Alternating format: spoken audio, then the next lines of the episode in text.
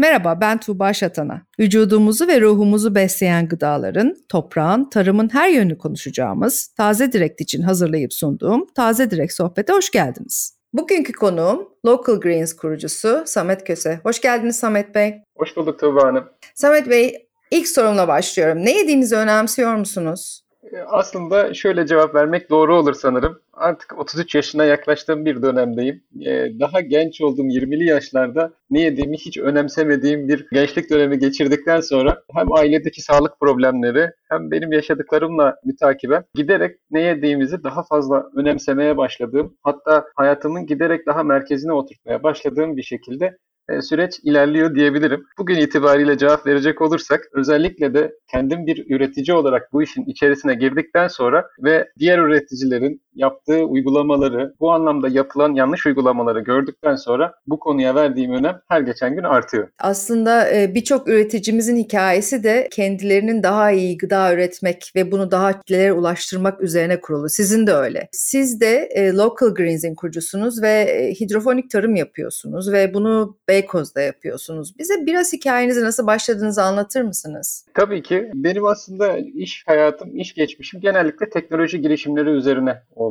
Ben İstanbul Teknik Üniversitesi'nde elektrik mühendisliği okuduktan sonra girişimlere yönelmeye karar verdim. Ve orada yaklaşık 6 yıl süren toplam bir iş deneyiminin ardından uzunca süredir ilgi duyduğum sağlıklı gıdanın sürdürülebilir yöntemlerle üretilmesi anlamında bir iş fikri arayışı içerisindeydim. Yurt dışındaki yapılan başarılı uygulamaları gördükçe, oradaki tesisleri ziyaret ettikçe bu alana olan ilgim çok daha arttı ve her geçen gün daha da yaklaşan iklim krizi, su krizi, gıda krizi gibi konuları da bir arada değerlendirdiğimde bu alandaki bir girişimin gerekli olduğunu, bunun bir gereklilikten de ziyade artık zorunluluğa dönüşmeye başladığını görerek Local Greens'i kurmaya karar verdim. 2020 yılının ilk aylarıydı. Pandeminin Türkiye'ye gelişi, o dönem sıkça konuştuğumuz gıdaya erişimin, sağlıklı gıdaya erişimin sekteye uğraması, lojistik ağlarındaki yaşanan problemler hepsini bir arada değerlendirdiğimde bana bu girişimi kurmak için doğru zaman olduğu fikrine verdi ve 2020 yılının ilk aylarında tamamen kendi o zamana kadarki küçük birikimimle hatta kullandığım motosikletimi dahi satarak Beykoz'daki Cumhuriyet Köy'de 800 metrekarelik küçük bir sera kurarak bu üretimin feasible bir şekilde yapılıp yapılamayacağını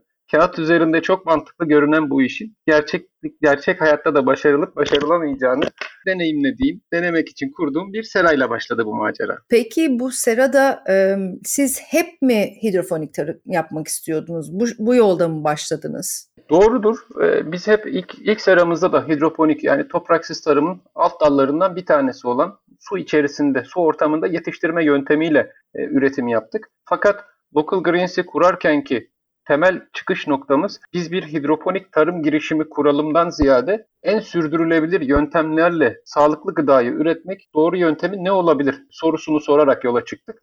Ve bu sorunun cevabı bugünkü şartlarda hidroponik tarımın e, uygulanabilir olduğunu gösteriyordu. E, önümüzdeki yıllarda, önümüzdeki süreçte daha da sürdürülebilir bir metot e, keşfedebilirsek, bunun uygulamasının mantıklı olabileceğini görürsek, bunu uygulamaya da kesinlikle karşı değiliz e, diye aslında durumu özetleyebilirim. Peki hidrofonik tarımla aquaponik tarım arasında fark var mı? E, hidroponik tarımla aquaponik tarım arasında bir miktar fark var. Özellikle bitkilerin normal şartlarda topraktan aldığı besin elementlerini bu iki yöntemde de e, suyun içerisinden aldığı bir üretimden bahsediyoruz. Hidroponik tarım ve aquaponiğin burada birbirlerinden ayrıştığı nokta ise Aquaponik tarımda buradaki suyun içerisindeki besin elementleri orada yaşayan balıklar ve diğer canlıların oluşturduğu çıktılardan e, aslında bitkiler bunları temin edebiliyor. Bizim kullandığımız hidroponik tarım yönteminde ise yönteminde ise e, biz bu besin elementlerini suya uygun miktarlarda, bitkilerin ihtiyaç duyduğu miktarlarda kendimiz ekliyoruz. E, aradaki temel fark aslında buradan oluşuyor. Peki sizin suya eklediğiniz besinler nedir? Bu besinler aslında bitkilerin gelişimleri için ihtiyaç olan 14 tane elementten oluşuyor. Bunların bir kısmı makro element, bir kısmı mikro element olarak geçiyor. Bunlar normal şartlarda bitkilerin kökleriyle, kökleri aracılığıyla topraktan emdiği besin elementleri. Bunlardan işte bir kısmı potasyum, kalsiyum, hidrojen, gibi besin elementleri. Mikro elementler dediğimiz kısımda da borik asit, bakır, buna benzer mangan gibi e, diğer besin elementleri. Dolayısıyla bunlar hali hazırda toprakta bulunan bitkilerin topraktan aldığı besin elementleriyken biz de aynı elementleri toprak özlerinden ayrıştırılarak üretilmiş bu gübreleri suda çözünebilir vaziyette üretilmiş gübrelerden kullanarak suyun içerisine ekliyoruz. Dolayısıyla bitki toprağın altında bu besin elementlerini aramak için harcadığı enerjiyi tamamen harcamasına gerek duymadan köklerinin içerisinde bulunduğu sudan temin ederek kolaylıkla en optimum seviyede emebiliyor ve bu şekilde kendisini besin elementlerini aramak için harcadığı enerjiyi harcamak yerine kendisini daha geliştirmek, daha hızlı ve optimum şekilde büyüyebilmek için bu enerjisini kullanabilmiş oluyor. O zaman bu ürünlerin topraktan aldığı besin e, değerlerinde bir değişiklik olmuyor anladığım kadarıyla. Şöyle söylemek belki mümkün olabilir. Toprakta bu gübreleme belirli periyotlarla bir yapılıyor. Bu bahsettiğimiz besin elementleri de her toprakta optimum seviyede her zaman bulunan elementler değil. Zaten bu sebeple e, toprakta tarım yapan çiftçilerde topraktaki eksik besin elementlerini tamamlamak için e, yine bizim kullandığımıza benzer gübreleri alarak toprağa belirli zamanlarda uyguluyorlar. E, biz de aynı şeyi burada suyun içerisine eklemiş oluyoruz ve e, en optimum seviyede örneğin işte kalsiyumunu çok yüksek seviyede vermek bir anlam ifade etmiyor. Tam olarak bitkinin ihtiyaç duyduğu miktarda besin elementini suya ekleyerek bu şekilde almalarını sağlıyoruz. Peki burada bir şey o zaman altın çizmek gerektiğine inanıyorum. Bunların hepsinin elementler olduğu, bunların bir kimyasal, bir katkı maddesi olmadığını aslında anlatmak belki de gerekiyor burada. Ne dersiniz? Çok doğru bir noktaya temas ettiğinizi düşünüyorum. Yaptığımız işle ilgili maalesef bazı yanlış algılar var, yanlış bilinen konular var. Topraktan olmayan yani toprak olmadan tarım mı olur? Bu şekilde yetiştirilen bitkiler yapaydır gibi bazı yanlış fikirlere sahip e, insanlar olabiliyor. Fakat aslında bizim burada bitkilere verdiğimiz besin elementleri aynı şekilde toprakta kullanılan gübreden hiçbir farkı yok ve normal şartlarda topraktan aldığı besin elementlerini veriyoruz. Tabii ki bu şu demek değil. E, normal tarımda da kullanılan çeşitli hormonlar, bitkileri hızlandırıcı fakat insan sağlığı için zararlı uygulamalar mevcut. Bunlar hidroponik tarımda da kullanılabiliyor. Bitkiye bu tür hormonları verdiğinizde topraksız tarım yöntemiyle yetiştirilen bitkilerde de insanların sağlığı için çok zararlı besin ve kimyasal elementler bulunabiliyor. Biz Local Greens'te bu tür zararlı uygulamaların hiçbirisini kullanmadan üretim yapıyoruz ve kullandığımız besin elementleri tamamen doğal şekilde üretilmiş ve bitkilerin topraktan aldığı besin elementlerinden oluşuyor. Sizin kullandığınız ürünlere organik diyebiliyor muyuz o zaman? Bu konuda henüz Türkiye'de e, netleşmemiş konulardan bir tanesi. Bugün itibariyle baktığımızda Tarım Bakanlığı'nın e, organik tarım kriterleri içerisinde değerlendirilmiyor.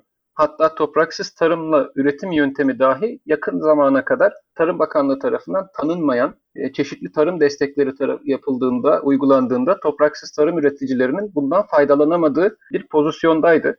Yeni yeni e, burada oluşmaya başlayan bu bilgi ve farkındalık sayesinde artık e, açıklanan çeşitli teşviklerden topraksız tarım üreticileri de faydalanabiliyorken henüz organik üretim kategorisinde maalesef yer alamıyoruz. Fakat ürünlerimizin besin değerlerine bakıldığında, pestisit analizleri yapıldığında organik tarımla üretilmiş ürünler kadar sağlıklı ürünler olduğunu, hiçbir kalıntı barındırmadığını biz e, laboratuvar analizi sonuçlarıyla ortaya koyuyoruz.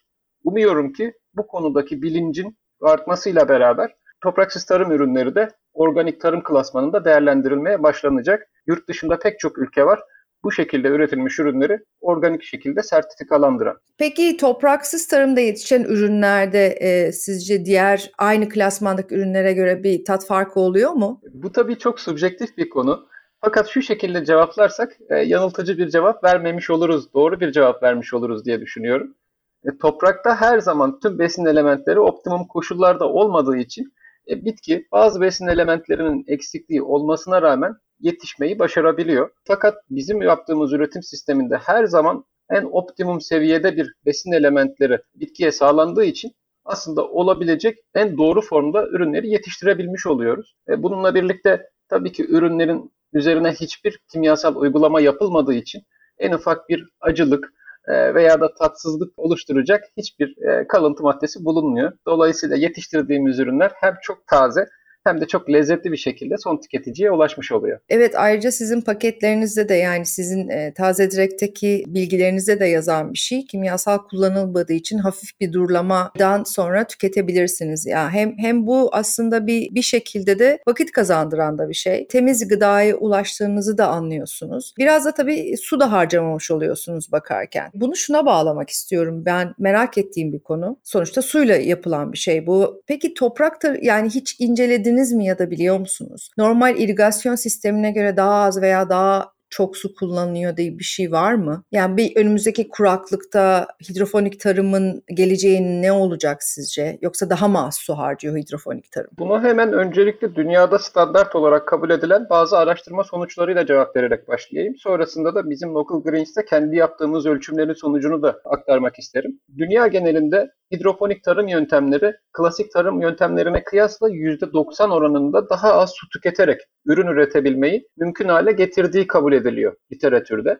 Bunun da temel sebebi normal bir tarımda yapılan sulama kontrolsüz bir şekilde toprağa karışırken ve bitki bunun büyük bir çoğunluğundan faydalanamıyorken biz aynı suyu sürekli devir daim halinde kullanıyoruz. Dolayısıyla ayda bir defa yaptığımız bir e, su temizliği haricinde aynı su sürekli devir daim halinde bulunuyor. Bitki bunun içerisinden besin elementlerini çektikçe biz yerine yeni besin elementlerini ekliyoruz. Fakat aynı su sürekli döngü halinde kullanılıyor.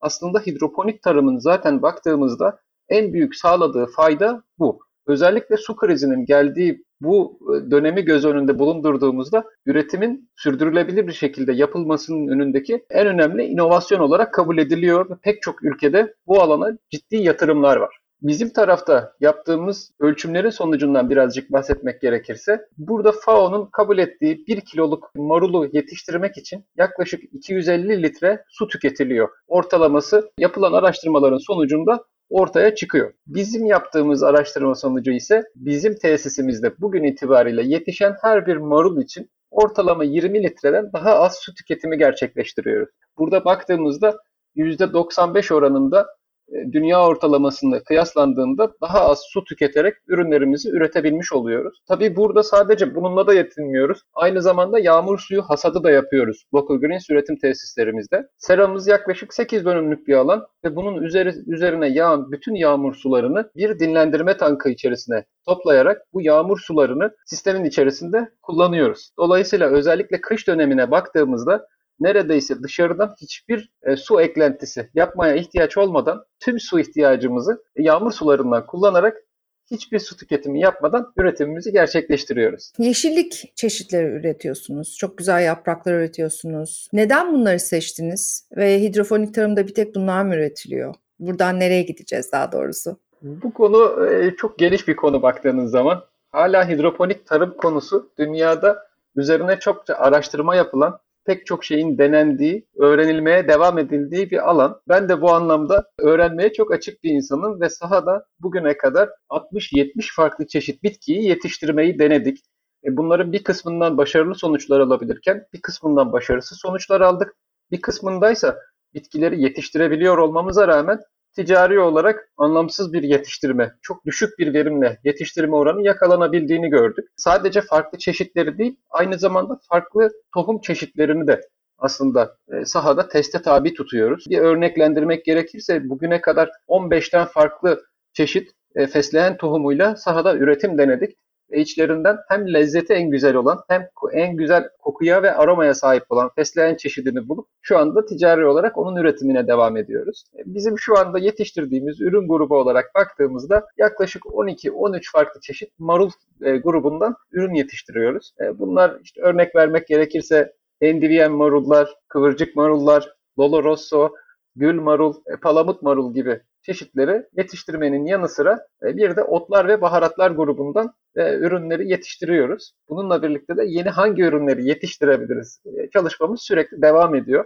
Örneğin bu hafta ilk defa safran bitkisinin ekimini gerçekleştirdik. Sonuçlarını nasıl olacağını hep beraber göreceğiz. Ben şeyi de anlatmanızı rica edeceğim. Süre nedir? Yani bir atıyorum bir, bir ürün üzerinden toprakta yetişen ve sizin yetiştirdiğiniz süre aynı süre midir? Bu konu tabii mevsimsel e, şartlara göre çok değişiklik gösteriyor. Fakat yıllık bazda normal tarım sahasında örneğin marul grubundan bir örnek vermek gerekirse yılda 3 hasat e, yapabilmek mümkün oluyorken biz burada yılda 10 hasata e, varan sayılarda ürün üretebilmeyi gerçekleştiriyoruz. Bunun altındaki temel sebep de şuradan geliyor. Örneğin yazın en sıcak aylarında tarım sahalarında, topraklı tarım sahalarında marul grubu ürünleri yetiştirmek mümkün olmuyorken bununla birlikte kışın derecelerin eksi derecelere düştüğü dönemde de süreç çok zorlaşıyorken bizim üretimimizi sera şartlarında yapıyor oluşumuz bitkileri ekstrem hava koşullarından koşullarına karşı bir koruma sağlıyor oluşumuz bize burada aralıksız bir şekilde yılın 365 günü üretimi devam etme imkanı tanıyor. Dolayısıyla yıllık bazda baktığımızda klasik tarım yöntemlerine göre çok daha fazla miktarda ürün üretebilmek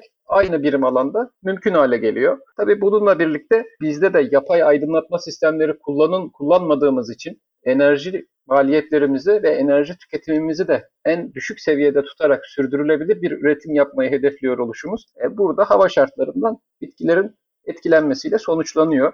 Şöyle örnek vereyim. Yaz döneminde havalı şartlarının uygun olduğu dönemde bir bitkiyi yetiştirmek bazen 25 günler, 26 günlerde mümkün olabiliyorken kış döneminde güneşin daha az olduğu, ışığın ve aydınlanmanın daha düşük seviyelerde gerçekleştiği dönemlerde aynı bitkiyi 75-80 günlere kadar vardığı dönemler oluyor bitkinin yetişmesinin. Dünyadaki örneklerinde neler yetiştiriyorlar peki? Yeşillikler dışında şu an neler var? Dünyadaki üretime baktığımızda ticari anlamda en çok üretilen ürün çeşitinin başında marul grubu ve domates grubunun geldiğini görüyoruz. Özellikle hı hı. aydınlanma ve ışık miktarının çok yüksek olduğu MENA bölgesinde yeni yeni pek çok domates üretim tesisleri e, kurulmaya başladı. Bu anlamda Türkiye'de hiç kötü bir pozisyonda değil. Özellikle Yalova bölgesinde termal kaynakların da rahatlıkla kullanılabili, kullanılabilmesi sebebiyle ticari anlamda domates üretimi oldukça başarılı ve iyi gidiyor. E, fakat burada baktığımızda en zor ürün grubu gibi görünen toprağın altında yetişen turp, patates gibi bitkileri dahi hidroponik ortamda, topraksız ortamda yetiştirmeyi başaran topraksız tarım girişimleri olduğunu görüyoruz. Burada spreyle e, bitkilerin alt kısmında tamamen karanlıkta kalarak ve ihtiyaç duydukları suya ve besin elementlerine ulaşmasını sağlayan girişimler var. Ben bunun bir süreç olduğunu düşünüyorum. Bu konuda bütün dünya hep beraber aslında tükettiğimiz ürünleri daha sürdürülebilir şekilde nasıl üretiriz diye bir arayış halinde. Biz de bu kıymetli çabaların kendimizi bir parçası olarak görüyoruz ve bundan dolayı da çok mutluyuz açıkçası. Evet çok teşekkürler. Çok güzel anlattınız ve özellikle de su kullanımına dikkat çekmek çok önemli önümüzdeki zamanlardaki oluşabilecek kuraklıktan türü. Çok teşekkür ediyorum Samet Bey katıldığınız için, zamanınız için. Ben teşekkür ederim. Kendimizi ve Local Greens'i anlatmak için bu fırsatı tanıdığınız için. Gezegenimiz, kendiniz ve sevdikleriniz için ne yediğinizi önemseyin. Bir dahaki bölümde görüşmek üzere. Hoşçakalın.